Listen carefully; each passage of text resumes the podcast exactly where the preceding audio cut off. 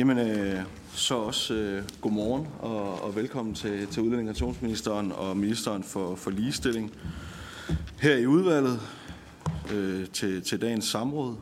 Og øh, samrådsspørgsmål det er stillet efter ønske fra, fra Astrid Karø, Anne Valentina Bertelsen øh, og Karl Valentin, alle sammen fra SF.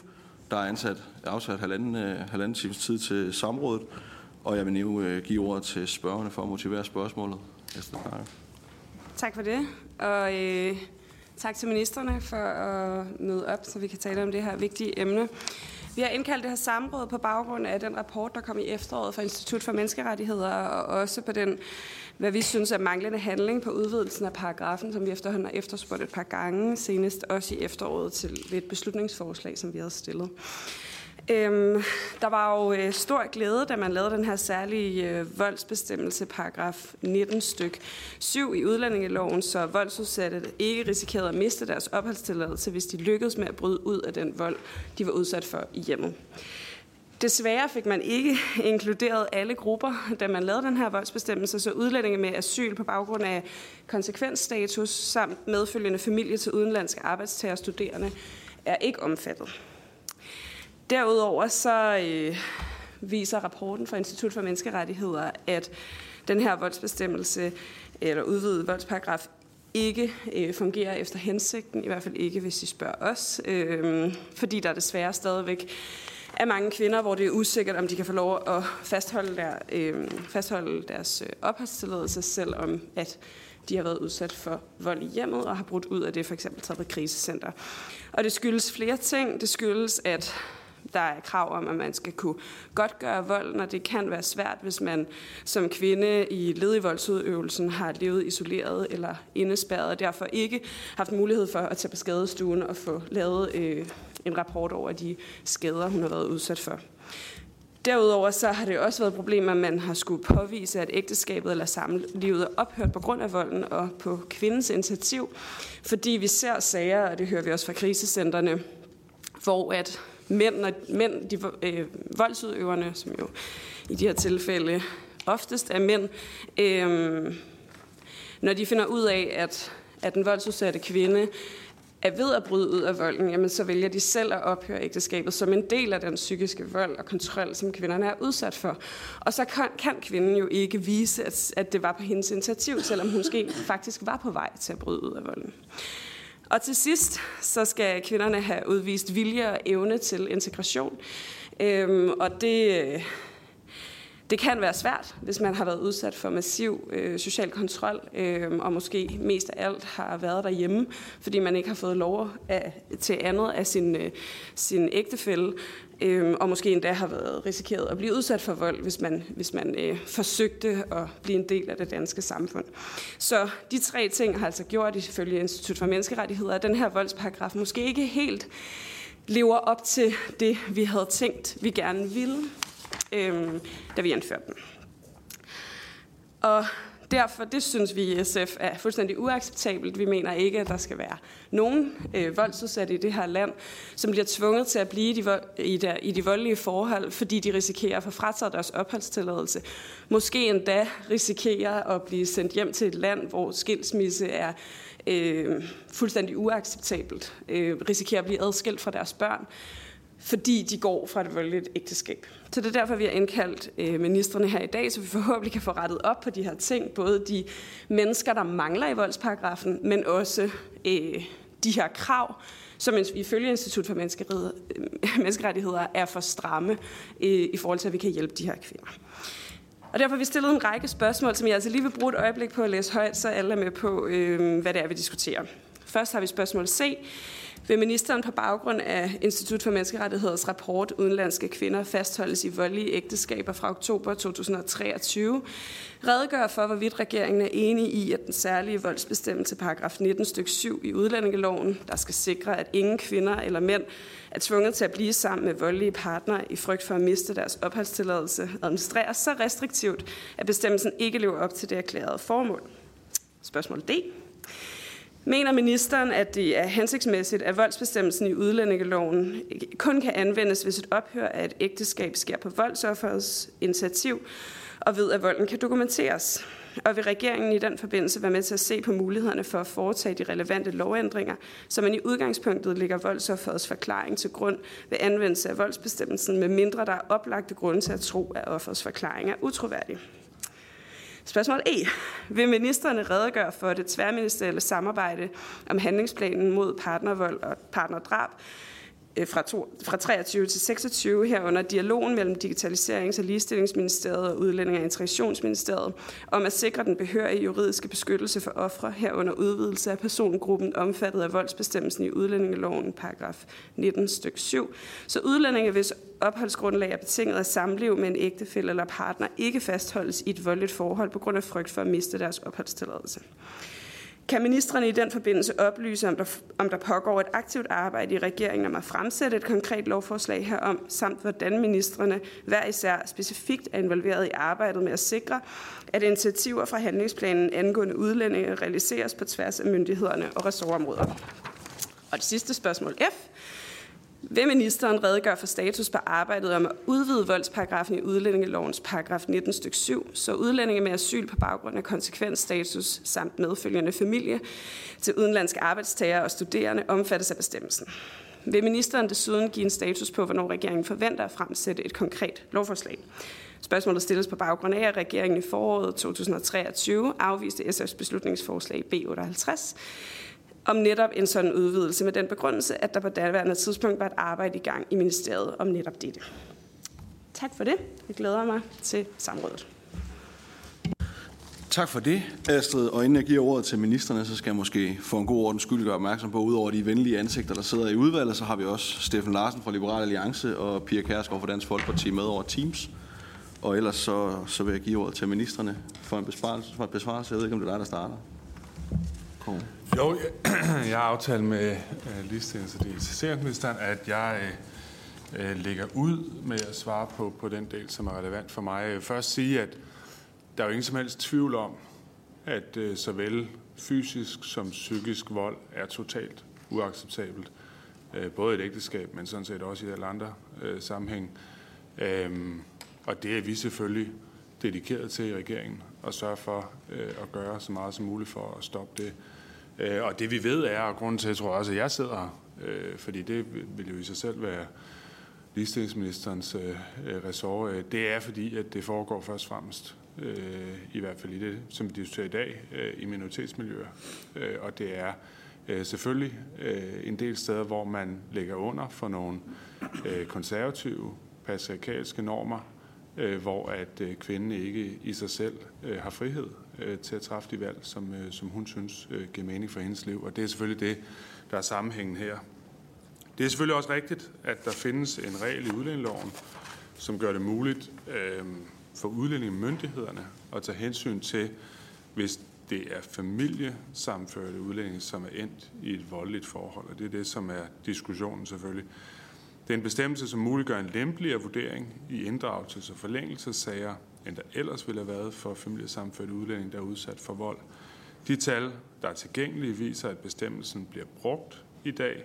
Størstedelen af de familiesamførte til andre end flygtninge, der i de seneste par år har påberåbt sig og har været udsat for vold, er endt med at bevare deres opholdstilladelse. Enten på baggrund af voldsbestemmelsen eller på baggrund af andre personlige forhold. Derfor så kan jeg heller ikke genkende det billede, som der bliver tegnet fra spørgerens side af, at bestemmelsen ikke øh, reelt bliver anvendt i dag. Den særlige bestemmelse i udlændingeloven, som vi kalder paragraf 19 stykke 7, er et udtryk for en balance mellem særligt to hensyn. På den ene side har vi et hensyn til at beskytte voldsudsatte udlændinge. Vi skal hjælpe de voldsudsatte og deres børn og undgå, at udlændinge bliver et voldsramt forhold af frygt for at miste deres opholdstilladelse. Det er også det, som spørgeren giver udtryk for. Det er et rigtig godt udgangspunkt, øh, vi har i den paragraf for at sikre det. På den anden side, så har vi også et hensyn, øh, det er ligesom alle andre steder i udlændingelovgivningen, for at undgå misbrug øh, af de regler, der er. Og det vil jeg understrege, det er et hensyn, som regeringen mener er nødvendigt at varetage, også selvom det er en regel, som skal beskytte en særlig sårbar gruppe. Vi er nødt til at sikre, at reglen ikke bliver misbrugt med det formål at bevare en opholdstilladelse, selvom man ikke længere har grundlag for det. Derfor synes jeg, det er rimeligt, at vi stiller krav til, hvornår bestemmelsen skal finde anvendelse.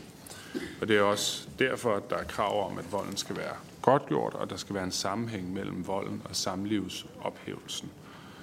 Det skal ikke være sådan, at man kan beholde en opholdstilladelse, uden at det skal efterses, om der har været vold i forholdet.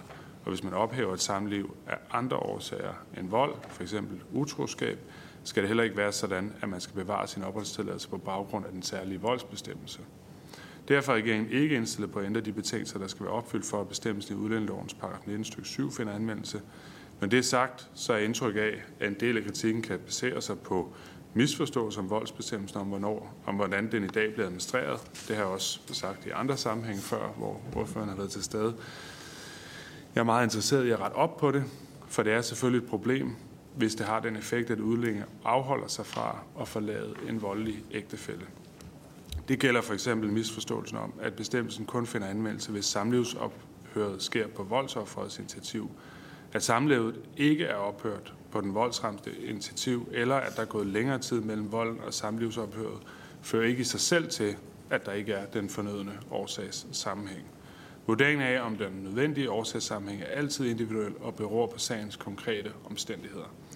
Og det indgår allerede i dag i Udlændingsstyrelsens vurdering, at en voldsarm kan have svært ved at bryde ud af et ægteskab, hvis vedkommende eller dennes barn har været udsat for vold eller for overgreb.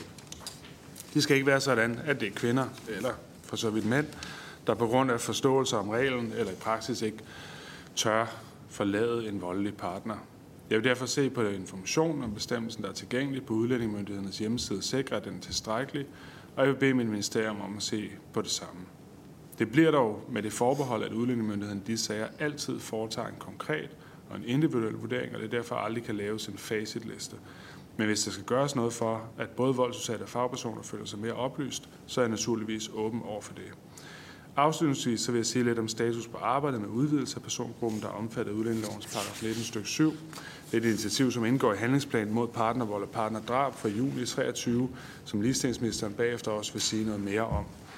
Udlændingelovens paragraf 19 stykke 7 gælder i dag for udlændinge, der er familiesamført eller efter de almindelige familiesamføringsregler. Det er det, man kalder paragraf 9 stykke, 1 eller paragraf 9c stykke 1. Og det er uanset om den her, herboende ægtefælde er dansker eller udlænding. Det er fortsat regeringens ønske, at persongruppen skal udvides til at omfatte alle udlændinge, hvis opholdstilladelse er betinget af samliv på fælles bopæl med en ægtefælle eller en partner, således at f.eks. medfølgende ægtefælle eller arbejdstager fremover også bliver omfattet. Det forventes således, at regeringen vil fremsætte lovforslag i næste folketingsår. Ja, tak for ordet. Nu vil jeg give det videre til min kollega.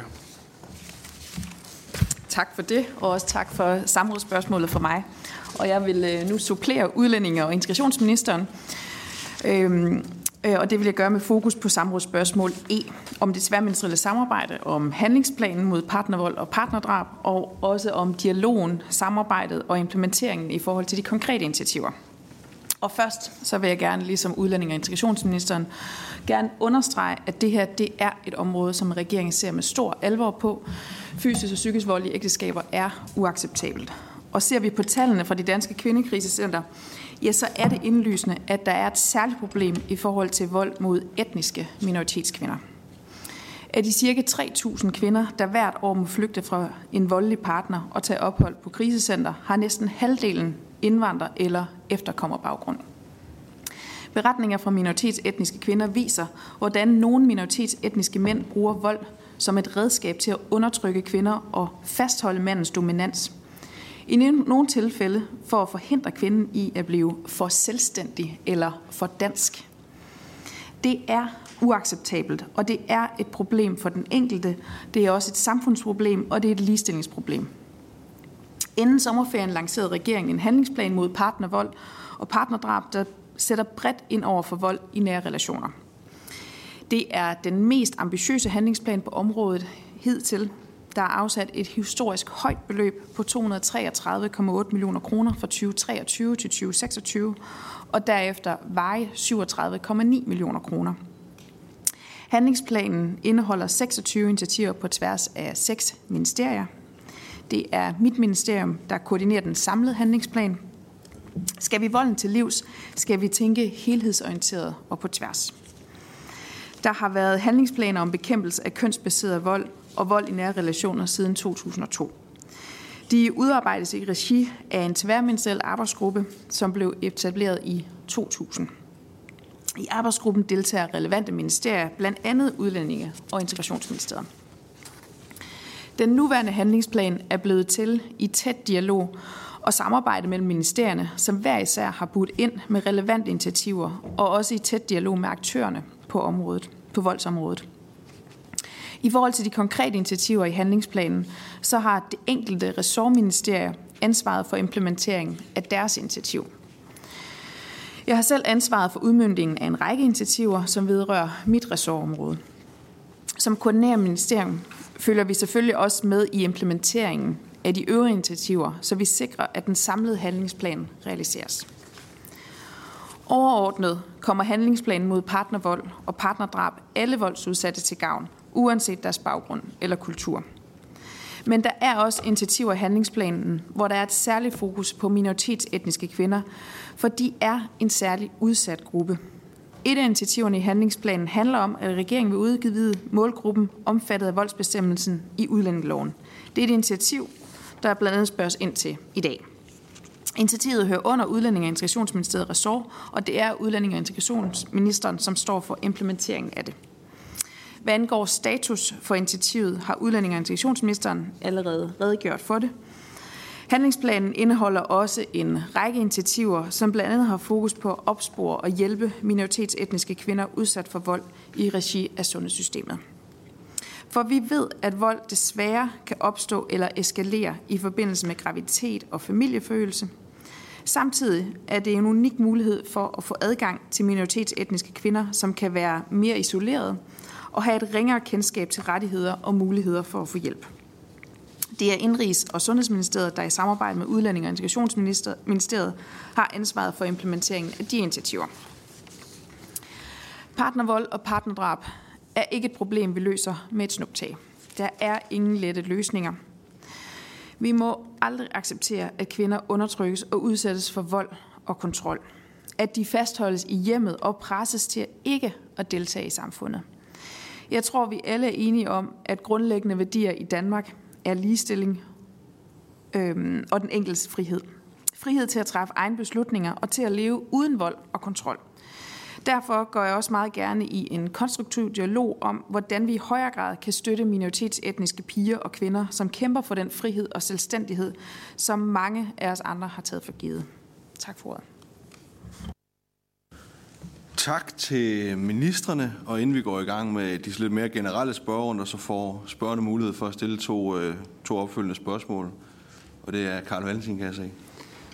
Ja, tak for det. Øhm, og også tak for mig til ministerne for at møde op. Jeg synes, det er rigtig vigtigt, at I begge to er her, fordi det er jo både et, et ligestillingsspørgsmål, fordi det særligt er kvinder, det går ud over, men jo åbenlyst også et spørgsmål om integrationspolitik, fordi det handler om opholdstilladelser. Øhm, jeg blev en lille smule skuffet over udlændingeministerens besvarelse, må, må jeg sige, øh, fordi man lægger meget vægt på det her med, at bestemmelsen sådan set bliver brugt, og jeg synes, der bliver sagt mange ting, som indikerer, at lovgivningen egentlig sådan er rimelig tilstrækkelig, øh, som, som den ser ud. Og når man, når man siger det, jamen, så modsiger man jo ikke bare øh, SF her, man modsiger også Institut for Menneskerettigheder, som har lavet et relativt øh, stort arbejde her og anbefalinger i den forbindelse. Jeg kunne godt tænke mig at stille et spørgsmål i forlængelse af noget af det, som Astrid sagde i starten om viljen og evnen til integration som et parameter i alt det her. Øhm, fordi i, i SF, der har vi jo øh, i mange år agiteret for, at viljen og evnen til integration er helt afgørende. Det skal være afgørende for, for dansk udlændingepolitik, at folk de øh, yder en indsats og forsøger at lade sig integrere. Men er det her ikke et af de tilfælde, hvor at det ikke er relevant, hvorvidt mennesker øhm, ligesom evner eller ønsker at integrere sig.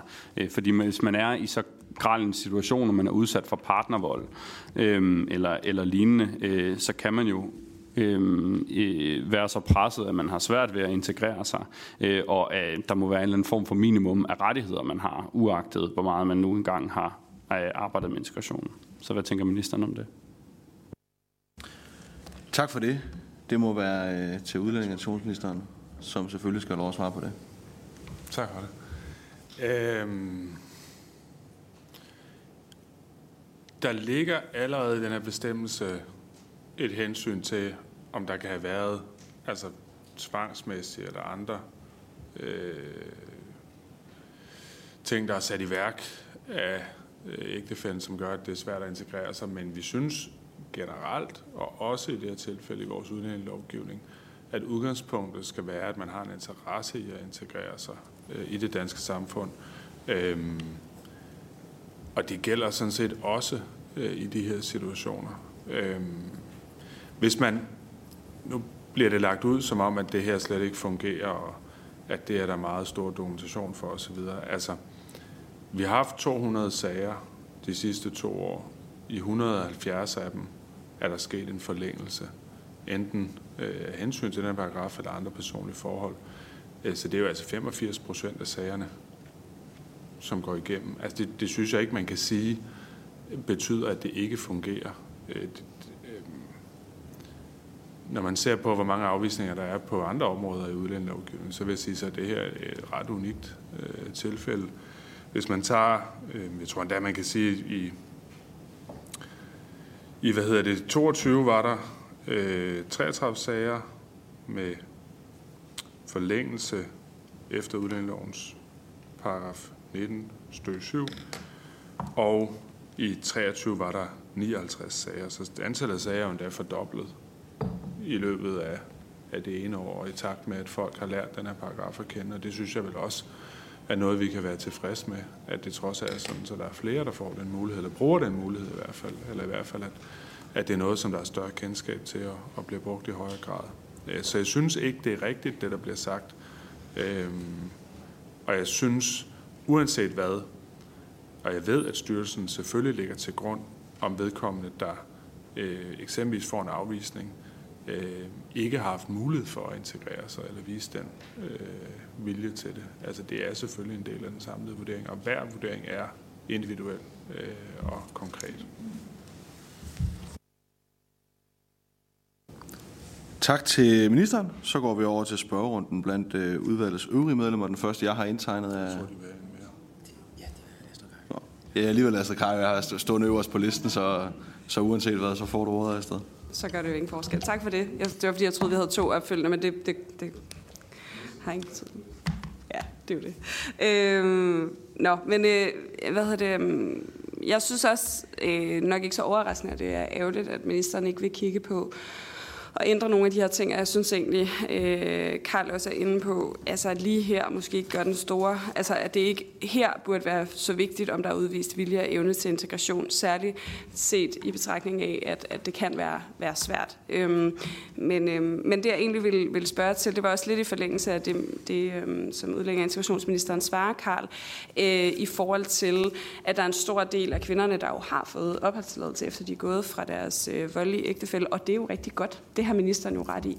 Øhm, det, som vi bare hører fra kvindekrisecentrene øh, og organisationerne, det er også den her bekymring. Altså, at der måske er et mørketal derude af kvinder, der ikke går for deres voldelige ægtefælde, fordi at reglerne er så stramme, at krisecentrene ikke kan garantere dem, at de øh, eller, altså, og, og ministeren har jo ret i, man kan jo aldrig garantere noget, men, men, men at reglerne er så stramme, at, at der er en nervøsitet, på krisecentrene og i, i rådgivningen for, om, om man kan sikre, at kvinderne får lov at blive i Danmark, eller om de vil blive sendt hjem øh, til, det, til det land, hvor de kommer fra, med de konsekvenser, det så kan have.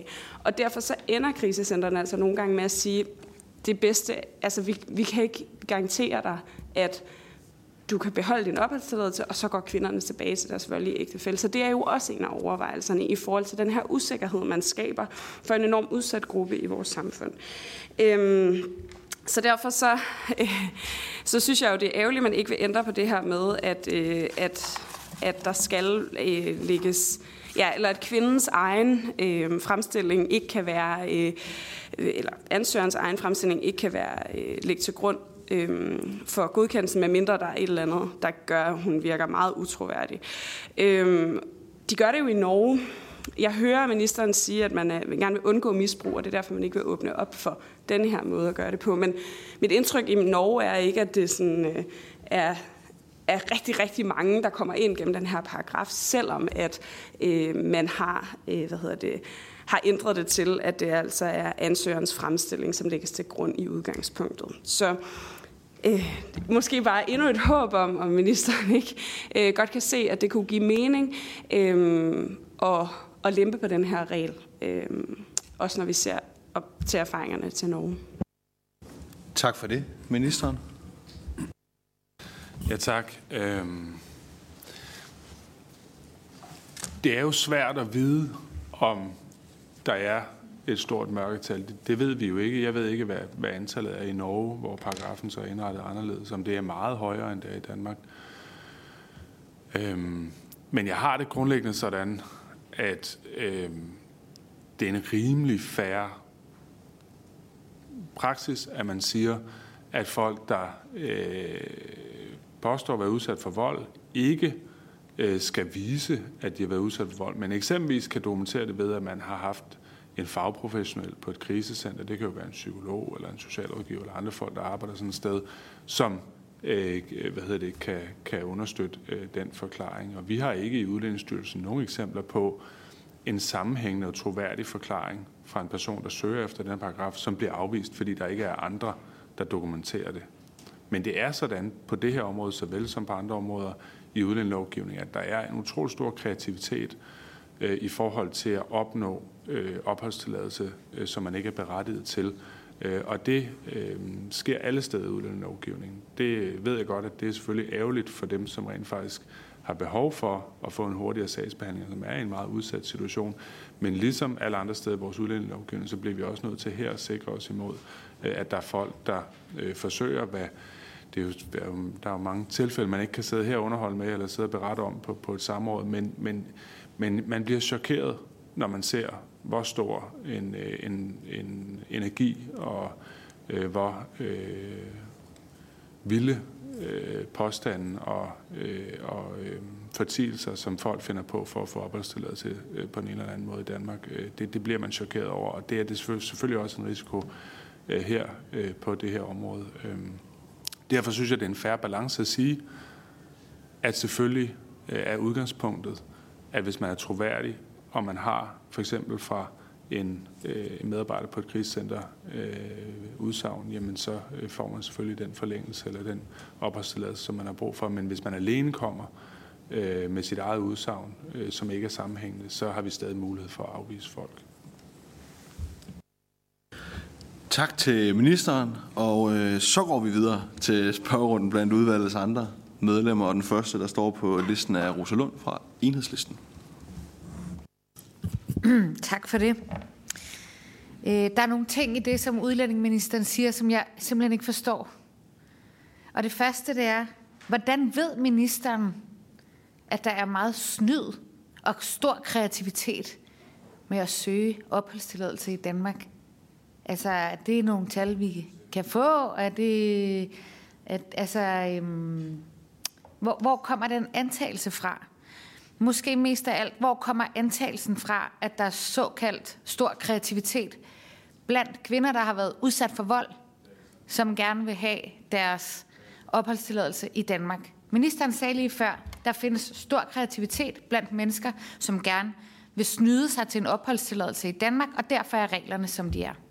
Det går ud over den her gruppe kvinder. Så vil jeg bare gerne vide, helt stille og roligt, hvor kommer den antagelse fra? Det er det første spørgsmål. Det andet spørgsmål, det går på, at ministeren har jo sagt i andre sammenhænge, at når man er udsat for negativ social kontrol, så er et af problemerne jo, at man ikke har lyst til at have kontakt med myndighederne.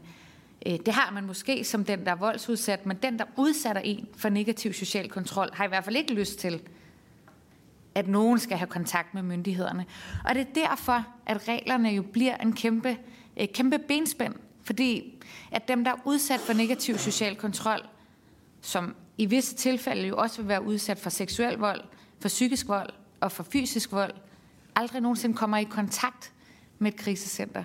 Og det er derfor, reglerne kommer til at spænde ben. Så spørgsmålet er, øh, hvis man gerne vil hjælpe de her mennesker, og det så ikke er at lempe på reglerne for opholdstilladelser, hvordan er det så? Og så kan det være, at ligestillingsministeren så kan sige noget om, at det går den her handleplan så ind og, øh, og hjælper med. Og det vil jeg også synes var dejligt.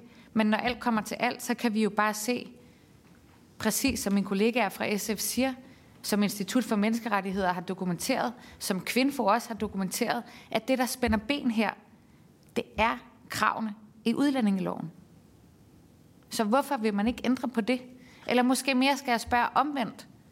til udlændingeministeren. Hvis man gerne vil hjælpe de her mennesker, og man ikke vil ændre på kravene i udlændingeloven, hvad er det så, regeringen vil gøre for at hjælpe de her mennesker? Fordi det er jo egentlig den fælles, det fælles mål, vi alle sammen har, det er, at vi vil gerne hjælpe de her mennesker, som er udsat for vold, og som risikerer at blive smidt ud af landet og miste deres opholdstilladelse. Vi vil gerne hjælpe dem. Øh, vi foreslår i enhedslisten, ligesom SF, at man lemper på kravene i udlændingelovens paragraf 19. Det vil regeringen ikke. Hvad vil regeringen så gøre for at hjælpe de her mennesker? Tak til Rosa Lund. Det skal ministeren selvfølgelig have lov til at svare på. Du må helst selv, Ja, og ja. ligestillingsministeren siger selvfølgelig også bare som en jeg synes, egentlig, ja, jeg synes, vi havde en ret savlig drøftelse om det her, og nu bliver det så, når enhedslisten kommer på banen, så det her polemiske med at lægge mig en masse i munden om, at jeg mener, at øh, kvinder, der er udsat for vold, er utroværdige. Det har jeg selvfølgelig ikke sagt. Men det er klart, at der kan jo være mennesker, som ikke har været udsat for vold, men som alligevel bruger denne her øh, paragraf til at få en opholdstilladelse, eller få forlænget en opholdstilladelse. Det er jo dem specifikt, som jeg er ude efter. Jeg kan bare sige, efter at have siddet som udlændingeminister øh, i halvandet år, øh, at man bliver chokeret over at opleve, hvad folk øh, gør, og alligevel, altså eksempelvis begår meget grov kriminalitet, alligevel søger statsborgerskab og skriver, at man ikke har begået kriminalitet. Øh, altså at den form for sådan kreativitet i forhold til at opnå en opholdstilladelse eller et, et opholdsgrundlag, som man egentlig ikke har øh, ret til at få i Danmark, den er enormt stor. Øh, og Øh, hvis jeg skulle lempe udlændingelovgivningen hver gang enhedslisten bad om det, så ville vi jo have haft svenske tilstande i Danmark. Altså så ville vi have haft øh, bander, øh, der skød i gaderne og øh, kæmpe store problemer med udsatte boligområder. Det behøver jeg ikke at gentage, fordi det ved enhedslisten udmærket godt, øh, at jeg mener, og, og de ved nok også inderst inde, at det er det, der er tilfældet. Øh, jeg synes, at en lovgivning fungerer, når vi har 85 procent af dem, der henvender sig, som får øh, opholdsgrundlag. Jeg synes ikke, det er et urimeligt krav at sige, at man eksempelvis skal have øh, et udsagn fra en medarbejder på et krisecenter eller andre folk fra myndigheden. Det kan også være, øh, for nu at tage noget andet, øh, kopi af sms-beskeder, beskeder på sociale medier, andre ting, som underbygger øh, påstande om psykisk vold eller fysisk vold. Altså, det er ikke noget meget vidtgående krav og som jeg også siger, Udlændingsstyrelsen har ikke øh, i nogle tilfælde været i en situation, hvor man har haft en troværdig og sammenhængende forklaring, men som man har afvist, fordi der ikke har været andre end kvindens egne forklaringer, der har ligget til grund. Øh, så jeg synes, det er en lovgivning, der alt i alt øh, fungerer. Jeg synes ikke, at vi spænder benen, når vi giver øh, forlængelse til de 85 procent øh, af dem, som ønsker øh, en forlængelse øh, i de her situationer. Ja, selvfølgelig ligestillingsministeren også for en kommentar. Jeg kan måske øh, lige supplere med det ligestillingsmæssige aspekt, øh, fordi det her det er en særlig ligestillingsudfordring. Det er kvinder, øh, og særligt kvinder i de minoritetsetniske miljøer er udsat, som jeg også øh, redegjorde for indledningsvis. Og jeg vil bare sige, at det er en stor prioritet for regeringen øh, at sætte ind over for det her ind over for det her problem. Øh, og der er ikke nogen nemme løsninger, fordi de minoritetsetniske kvinder er en meget, meget svær gruppe at nå ud til. Øh, hvor der er øh, gammeldags patriarkalske kulturer, hvor kvinder øh, bliver holdt nede, øh, der ikke eksisterer de samme værdier, hvor kvinder ikke nyder samme frihed og selvstændighed, øh, og hvor øh, mange mænd desværre dominerer øh, ekstremt meget. Det her det er en prioritet for regeringen at sætte ind overfor, og det skal jo ske på mange forskellige fronter. Øh, i øh, handlingsplanen mod partnervold og partnerdrab, som vi kom med før sommerferien, der indgår der en række initiativer. Øh, og der er jo mange af de her initiativer her, som særligt også vil komme de minoritetsetniske kvinder til gavn. Øh, blandt andet er der et initiativ omkring øh, tidlig opsporing, opsporingsredskaber til sundhedspersonalet, hvor man har mulighed for fra myndighedernes side at møde de her minoritetsetniske kvinder i forbindelse med graviditet og fødsel. Øhm, fordi det er, det er et vigtigt område, og det er en målgruppe, som er ekstremt svær nu. Tak til ministeren Nø. Så står der Karl Valentin på min blog. Tak. Jeg kunne egentlig godt tænke mig at stille spørgsmål til ligestillingsministeren, fordi nu kan vi jo høre på udlændingeministeren meget tydeligt vigtigheden af at føre en meget stram udlændingepolitik, og det er meget det, der bliver fremhævet, det er jamen, viljen øh, og evnen til integration, det skal være øh, et parameter. Det er vigtigt, at man integrerer sig, også selvom man er i, i en meget kritisk situation potentielt. Øh, når vi taler om mørketal, som vi hører om fra kvindekrisecentrene, så bliver der øh, talt om, at det kan jo være svært at vide, øh, men det er også vigtigt, at man forebygger snyd osv., og øh, derfor så kunne jeg egentlig godt tænke mig at høre ligestillingsministeren om øh, det, som er tilfældet her, det er, at regeringens meget øh, sådan aktive ambitioner om at føre en meget stram udlændingepolitik ender med at spænde lidt ben for hendes område. Altså man ender i en situation, hvor at øh, kravet om en meget stram udlændingepolitik har konsekvenser for de kvinder, som øh, ligestillingsministeren ellers taler meget varmt om gerne vil øh, beskytte øh, og aktivt gøre den indsats for. Tak. Tak for det. Ministeren? Jeg støtter fuldstændig op om det, udlænding- og integrationsministeren siger, og er helt enig i, at vi skal føre en stram udlændingepolitik, og er helt tryg ved, at det er udlændingsministeren øh, også garant for, at vi skal gøre. Øh, det er øh, selvfølgelig vigtigt, at vi forebygger snyd på det her område, og når der er så store ligestillingsudfordringer på hos særlige minoritetsetniske kvinder, ja, så handler det jo om, øh, at de er dårligt integreret. At vi har en kultur i de minoritetsetniske miljøer, øh, som ikke er særlig gode. Øh, hvor der ikke er nogle gode ligestillingsmæssige værdier. Hvor kvinder ikke nyder samme frihed og selvstændighed, øh, som vi gør i andre dele af vores samfund. Det er jo fordi, der er store integrationsudfordringer. Det betyder ikke, at vi ikke skal gøre noget for de kvinder, fordi det er en kæmpe ligestillingsudfordring. Og det er en prioritet for regeringen at gøre noget for at mindske den negative sociale kontrol, der er i de her miljøer. Og derfor, som jeg også sagde før, øh, mener jeg, at vi skal sætte ind over på en række områder. Øh, et af de områder, der er, jamen det er jo i handlingsplanen mod partnervold og partnerdrab, øh, hvor vi foreslår øh, at udvide målgruppen i, i voldsbestemmelsen, som udlændingeministeren også har redegjort for. Men der er jo en række andre initiativer også for at sætte ind over for de her kvinder her. Og et af initiativerne, det er så også noget tidligt opsporingsarbejde. Men, øh, men jeg øh, støtter 100% op om det, udlændinge- og integrationsministeren siger. Det er vigtigt at have en stram udlændingepolitik. Tak til ministeren. Så er det Astrid Karøy fra SF. Tak for det. Jeg synes, jeg synes, det er så tit, at den her diskussion, når vi taler om social kontrol, som jeg nærmest hører alle partier i Folketinget sige, man gerne vil sætte ind overfor, så bliver det en diskussion om stram og slap udlændingepolitik. Altså, med en regering, som jo har sagt, at den slut med fjollede integrations- og udlændingeregler, nu skal vi have, øh, nu skal det give mening igen, øh, så forstår jeg simpelthen ikke, at man, fordi man gerne vil have en stram udlændingepolitik, spænder ben for, eller i hvert fald risikerer at spænde ben for, at der er nogle kvinder, der, der bliver fastholdt i voldelige parforhold. Det burde jo være et af de, og jeg er helt enig med ministeren i, at der er mange steder, vi kan sætte ind, men det her sted, Øh, det her det er virkelig et af de steder, hvor, hvor det vil gøre en kæmpe forskel. Og jeg synes, det er så ærgerligt, hvis, hvis det, der holder en tilbage, er diskussionen om stram og slap udlændingepolitik. Øhm, fordi nu har vi været inde på flere gange, at det er et særligt problem med vold. Øhm, i nogle etniske minoritetsmiljøer. Det er fuldstændig rigtigt. Der er jo også rigtig mange etniske danske kvinder, der bliver udsat for vold. Forskellen på de to slags kvinder er bare, at hvis en, dans, en kvinde med dansk statsborgerskab går på krisecenter, så risikerer hun ikke at miste øh, sit ophold i Danmark. Øhm, og det er jo derfor, at den her gruppe bliver endnu mere udsat, end den allerede er. Det er, at vi risikerer, at den danske stat også øh, fratager hende nogle rettigheder og risikerer at sende hende tilbage til et land, som måske øh, ser rigtig skidt på skilsmisser. Øh, så, så det er jo det, der er den store forskel på de, de kvinder, der har dansk statsborgerskab, og dem, der ikke har, når, når vi taler om voldsudsatte kvinder. Øhm, jeg kunne godt tænke mig at vende tilbage til, til det her med, hvornår vi skal udvide voldsparagrafen, sådan så at dem, der er familiesammenført på baggrund af arbejdstilladelse for eksempel, øh, bliver en, også kommer ind under den her paragraf. Jeg kan godt forstå, hvis ministerne synes, jeg er en lille smule utålmodig, fordi den her handlingsplan jo løber frem til to, øh, 2026. Men samtidig så kan jeg simpelthen ikke forstå, hvad det er, der tager så lang tid. Vi har allerede den her voldsparagraf. Det handler bare om at udvide øh, Øh, de personer, der er en del af den.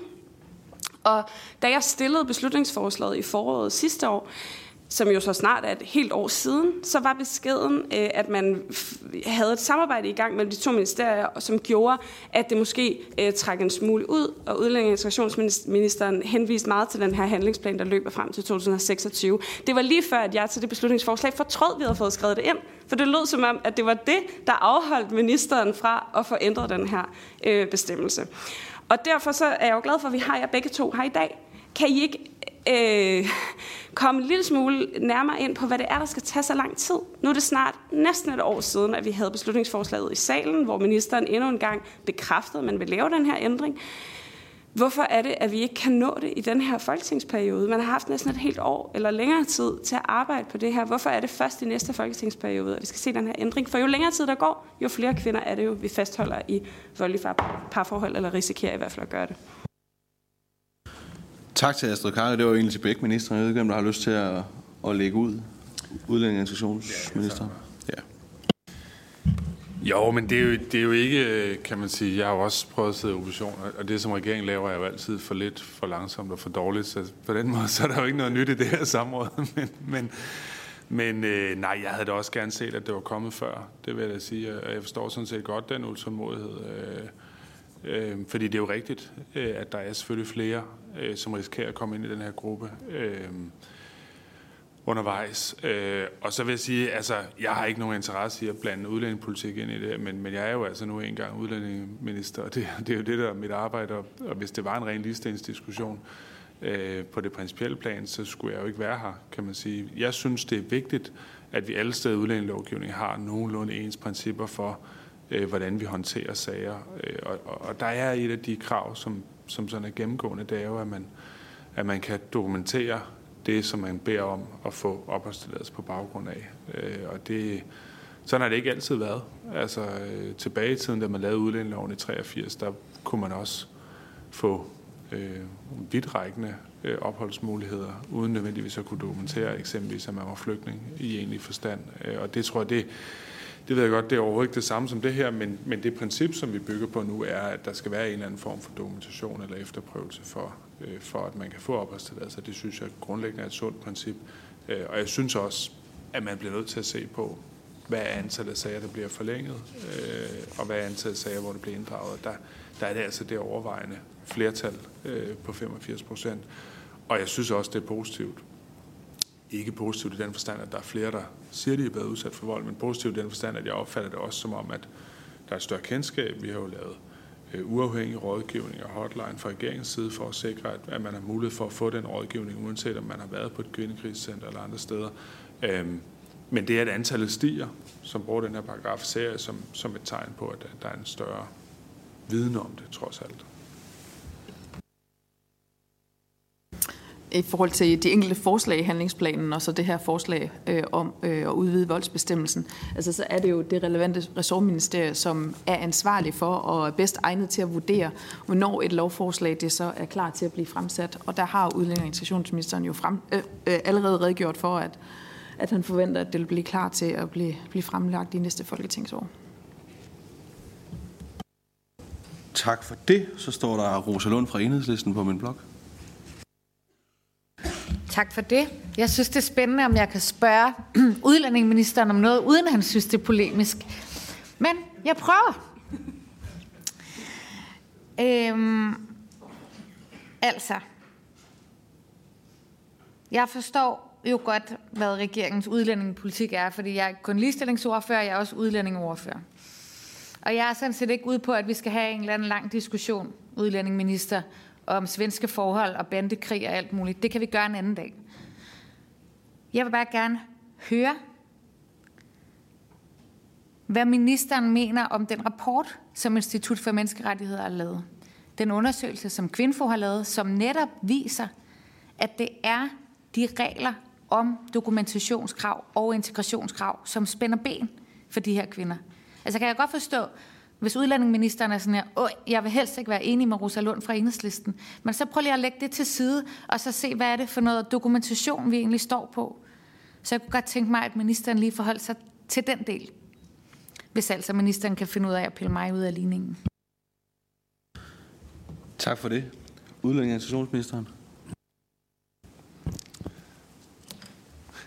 nu skal jeg gøre mit bedste, men, men hvad hedder det? Øh, øh, grundlæggende er jeg ikke enig i konklusionen om, at lovgivningen ikke fungerer. Altså, jeg synes, der er i de tal, jeg kan læse fra mit ministerium, øh, et billede af, at folk får forlænget deres sager i langt de fleste tilfælde, når de henvender sig på baggrund af øh, vold. Øh, og det synes jeg er for mig at se bundlinjen i det. Øh, jeg synes ikke, øh, jeg synes det er altid en kvalificering af øh, vores arbejde på Christiansborg, hvis man laver arbejde, hvis man har organisationer bag sig, men øh, det betyder ikke nødvendigvis, øh, at det tegner et bedre billede af virkeligheden end det, som man har, når man sidder på indersiden af øh, ministeriet og for eksempel har tal fra Udlændingsstyrelsen, der viser, hvordan de sagsbehandler. Så det er jo altid de to ting, der skal holdes op øh, imod hinanden, og jeg synes, nu har vi været en del rundt om det, men, men jeg synes faktisk, det er et rimeligt krav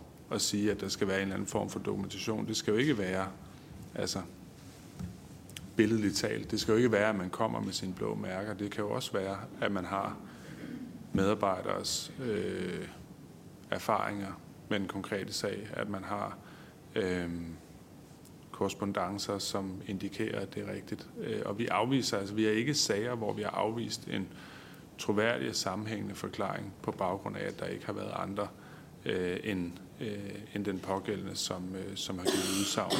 Øh, og det synes jeg er betryggende fra der, hvor jeg sidder i hvert fald, at det ikke er sådan, så hvis der kommer nogen, som egentlig har en forklaring, der hænger sammen i forhold til det, de beder om, øh, at så afviser vi dem, fordi vi ikke har andre øh, udsagn at bygge det på. Øh, sådan er det ikke i, øh, i den sagsbehandling, som foregår i Udlændingsstyrelsen på det område her. Tak for det, minister. Så vil jeg give ordet til Astrid Karve fra SF. Tak for det. Hmm, jeg jeg er jo glad for at høre, at begge ministre meget tydeligt siger, at man gerne vil ændre den her voldsparagraf til at omfatte øh, flere. Øhm, og det ved jeg jo også godt, for vi har jo skrevet det sammen i vores handlingsplan. Jeg hører øh, udlænding- og integrationsministeren sige, at han synes, du synes, det er ærgerligt, at, vi, øh, at det ikke går hurtigere, og det kan du egentlig godt forstå. Og samtidig siger øh, digitalisering af ligestillingsministeren, at øh, at det er udlænding og integrationsministeren. Og derfor så synes jeg ikke, ikke helt, at jeg får svar på mine spørgsmål. Altså, hvad er det, der gør, at det tager så lang tid?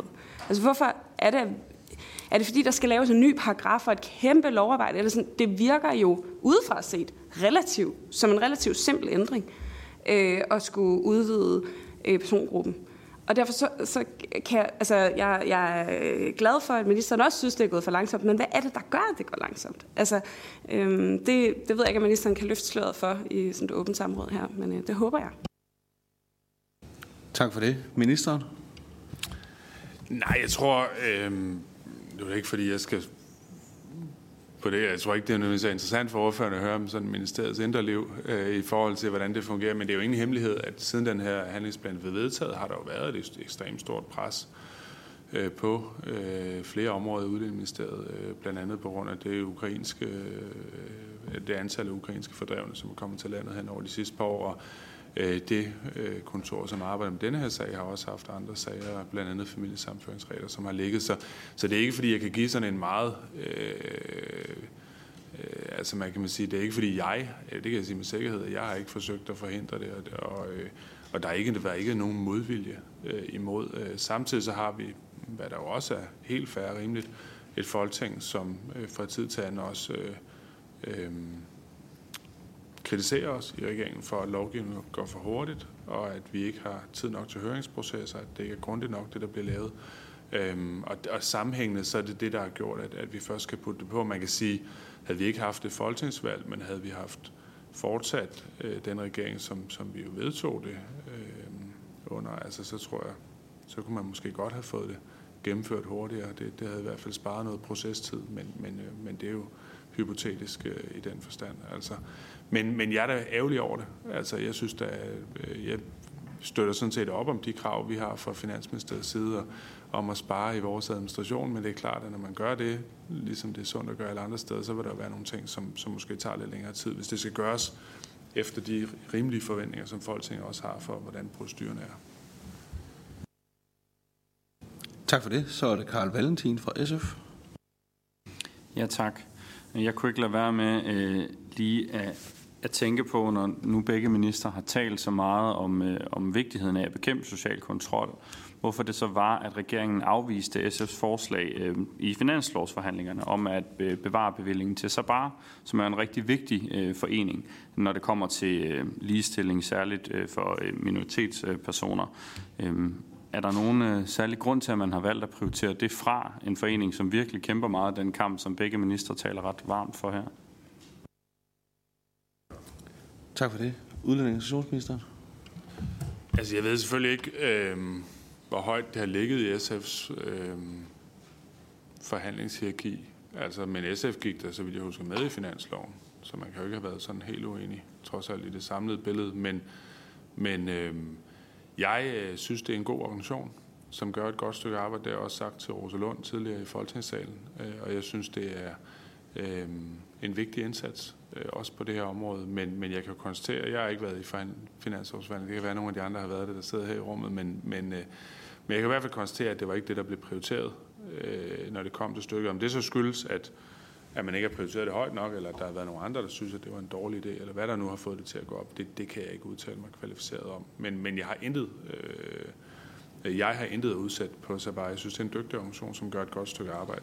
Øh, og, og jeg er sådan set også øh, i dialog med dem, men, men det er klart, at, at det er jo ikke sådan, at vi har krukker stående over i, i Udlændingeministeriet, så man så kan tage en million fra et eller andet sted. Det, det er heller ikke sådan, det fungerer desværre. Øh, så, eller det er nok meget godt. Men, men, øh, men, øh, men det er klart, jeg synes, de gør et godt stykke arbejde. Tak for øh, det. Så er det Astrid Karøy fra SF. Tak for det. Jamen, jeg kan da altså, virkelig bekræfte ministeren i, at vi er mange, der havde ønsket, at den regering, vi havde før valget, var fortsat. Øh, men øh, det er jo så ikke den situation, vi står i øh, lige nu. Øh, og jeg, jeg hører, hvad ministeren siger. Jeg synes jo, det er ærgerligt, men det er jo, øh, det er jo hvad der kan ske, og jeg, jeg anerkender også fuldt ud, at der kan være andre øh, sager. Øh, jeg Ja, ja, jeg synes jo også, det er ærgerligt, at man ikke ønsker at ændre på de her to ting med at kunne godt gøre volden og kunne øh, påvirke ægtelivet og ægteskabet og samlivet er ophørt på grund af volden og på kvindens initiativ. Øhm, hvad jeg måske stadigvæk håber, at der kunne være en lille fli tilbage af, det er det her krav om vilje og evne til integration. Jeg hører også ministeren sige, at der er en forståelse for, at der kan være kvinder, der ikke har kunnet det, selvom man måske faktisk har viljen til det. Kan det så ikke give mening at fjerne den del? Altså sige, øh, som sagt, at vi er SF helt enige i, at det er en vigtig del af udlændingepolitik helt generelt, men lige her kan det jo skabe en stor usikkerhed for de her kvinder. Øhm, og hvis man alligevel dispensere for det i nogle tilfælde, fordi at kvinderne jo ikke har kunne gøre det her, hvis man har været udsat for massiv social kontrol, vil det så ikke være et oplagt sted at sætte ind og sige, at okay, her kan vi godt tydeligt sige, øhm, der kan være gode grunde til, at man ikke har kunnet deltage i dansk undervisning eller være jobsøgende, fordi man simpelthen har været udført, udsat for øh, massiv social kontrol. Så hvis ministeren lige vil, vil uddybe det en lille smule mere, øh, hvorfor det er, han mener, at man ikke kan det. Og så, øh, jeg ved jo godt, at det her samråd ikke handler om så bare, men nu øh, Karl Valentin bragte det op, så får jeg alligevel lyst til at sige, at jeg håber, at ministeren øh, vil, at vi kan fortsætte samarbejdet om at, at prøve at finde nogle penge til, til Sabar. Vi, vi havde det højt på vores prioriteringsliste, men oplevede ikke, at der var på nogen måde hul igennem til at kunne, kunne få penge til dem. Og derfor er jeg jo glad for at høre, at, at, at regeringen også synes, det er en vigtig organisation. Øh, jeg ved, at der ligger nogle penge fra en LGBT-handlingsplan, vi har lavet på ligestillingsområdet over hos ministeren, så forhåbentlig kan vi, kan vi tale sammen om, om nogle af de penge kunne gå til Sabar i stedet for en lidt mere bred pulje på fuldstændig samme område, som Sabar arbejder i. Jeg ved godt, det ikke er det, samrådet handler om, men øh, ministeren skal forvente at få en mail om det. Tak for spørgsmål og varsling, øh, ministeren. Ja, tak. Ja, ja, øh, det, ja, det kan vi jo tage efterfølgende også. Øh, jeg tror, øh, det er i hvert fald altid godt at tage den diskussion. Øh, jeg, øh, i forhold til det, der handler om integration, øh, jeg tror, det er vigtigt at understrege, at hvis man ikke selv, altså hvis man ikke har haft mulighed for at tage del i det. Hvis man er blevet forhindret i det, så er det selvfølgelig en del af den konkrete og individuelle vurdering, som der er af hver enkelt sag. Og det er for mig at se ligesom det, der gør, at, at det giver mening at diskutere. Det er klart, hvis det handler om, at man er blevet holdt derhjemme, øh, gerne har vil lære dansk, men har fået at vide af sin mand, det må du ikke. Øh, så er det jo svært at blive integreret, at man har fået at vide, at du må ikke være en del af foreningsliv, være en del af tage et arbejde, eller hvad man kan forestille sig, folk gør for at blive integreret. Øh, men det mener jeg allerede i den paragraf, at der er taget højde for. Øh, men der er jo også tilfælde, hvor man kan sige, at man lever reelt i et parallelt samfund, og reelt også kvinden, hvad der jo kan virke øh, kontraintuitivt, men egentlig også ønsker at leve under de normer, øh, som der er i mange mellemøstlige lande, hvor, hvor kvinderne har en, en meget, meget lavere øh, værdi sammenlignet med mændene i, i de interne hierarkier. Øh, og hvis det er det samfund, man ønsker på en eller anden måde, så, så, og man fastholder at være i, i et parallelt samfund, enten fysisk eller mentalt, jamen så synes jeg, det er fair nok, at det indgår i, i de her vurderinger også. Tak for det. Astrid Karø. Ja, jeg kan, jeg kan mærke, at vi øh, nok nærmer os en afslutning, fordi vi kører lidt i, i ring, men jeg vil bare stille øhm, et sidste opfølgende spørgsmål på det. Jeg forestiller mig ikke, at de kvinder, der henvender sig på krisecenter, gerne vil ud af volden og den sociale kontrol og, og psykisk vold og hvad der ellers er, er kvinder, der ønsker at leve i meget patriarkalske øh, miljøer. Øhm, så, så på den måde kan man jo ikke... Altså, øh, jeg vil tænke, at hvis en kvinde henvender sig på et krisecenter, så er det faktisk et ønske om at bryde ud af volden, og dermed også negativ social kontrol, psykisk vold osv. Vi hører fra mange voldsudsatte kvinder, og det gælder sådan set både øh, etnisk danske og øh, minoritetsetniske kvinder, der er udsat for vold, at, at alle, der er udsat for, for, psykisk, eller for fysisk vold, har også været udsat for en eller anden form for psykisk vold og kontrol. Altså, øhm, at man mister alle sine venner, eller øh, ikke længere må mødes øh, med nogen, når, når kæresten eller manden ikke er med, osv. Så det er jo meget klassisk det her med, at man bliver fastholdt derhjemme på den ene eller den anden måde. Det kan jo være forskelligt, selvfølgelig fra forhold til forhold. Men, men jeg kan ikke lade være med at tænke, at man må da ligge til grund, at den kvinde, der henvender sig på et krisecenter, eller henvender sig til politiet for at få hjælp, faktisk ønsker at bryde ud af det her, og ikke ønsker at være i et parallelt samfund, som ministeren siger, nogen måske gør. Det, det er ja, helt svært at forestille sig, øhm, at det skulle være tilfældet. Men, men det må da i sig selv nærmest være et, et tegn på, at man ønsker at bryde ud af det, og det ikke har været ved ens gode vilje, at man har været fastholdt derhjemme, og ikke har kunne for eksempel tage dansk undervisning eller søge job. Og derfor så siger jeg bare, det skaber jo en enorm usikkerhed, hvis man som kvinde får at vide på krisecenter, det her det er altså øh, en, af, en, af, øh, en af de ting, man skal leve op til.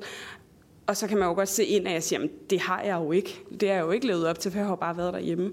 Øhm, at, man, at det skaber en enorm usikkerhed, som er unødvendig, hvis, hvis ministeren siger, at, at, at, øh, at man alligevel dispenserer fra den, hvis man kan se, at det har været imod kvindens vilje, som det typisk vil være i de her sager.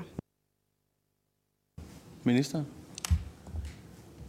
Ja, øh, det er ikke fordi, jeg ikke godt kan forstå argumentet, men jeg synes stadig, jeg kommer bare stadig tilbage til det forhold, at langt de fleste sager får folk jo lov til at blive her.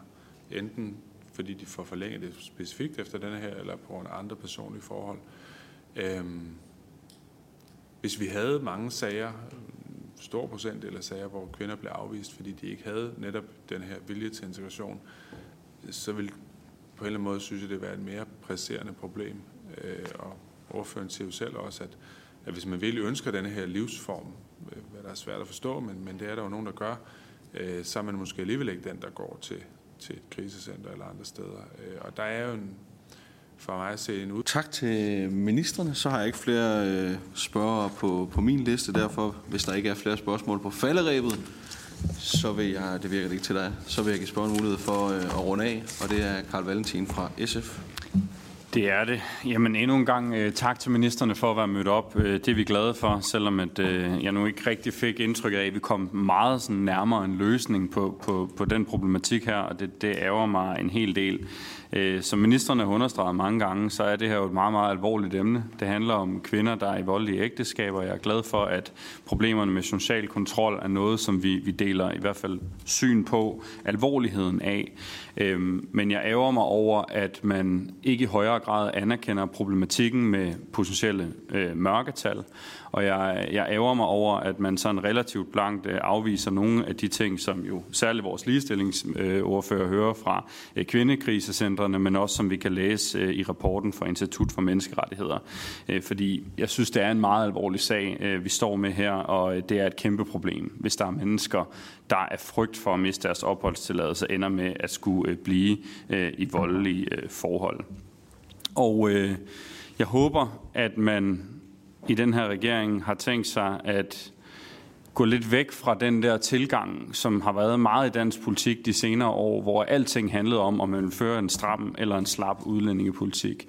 Øh, I SF, der synes vi, det er afgørende, at man fører en fornuftig udlændingepolitik, som har fokus på integration, som også øh, stiller krav til mennesker, og som selvfølgelig øh, sikrer, at der ikke bare er fri adgang til Danmark, men som i sager, hvor det er helt afgørende, øh, at vi lemper lidt på nogle af tingene. Selvfølgelig er villige til det, når det potentielt kan handle om øh, kvinders øh, sikkerhed og tryghed, som det kan gøre her. Så det håber jeg, at regeringen vil, vil tage med videre og fortsætte dialogen. Det er i hvert fald ikke et spørgsmål, vi kommer til sådan lige at, at give op på her. Vi synes, det er helt afgørende. Vi synes, det er noget, der burde samle Folketinget, når nu alle Folketingets partier, i hvert fald når jeg hører det, anerkender problematikkerne med social kontrol i Danmark. Tak. Tak for godt samarbejde. Tak for det. Også øh, herfra tak for et øh, godt øh, samarbejde til spørgerne og til udlændingens og og digitaliserings- og ligestillingsministeren for at møde op. Så er samrådet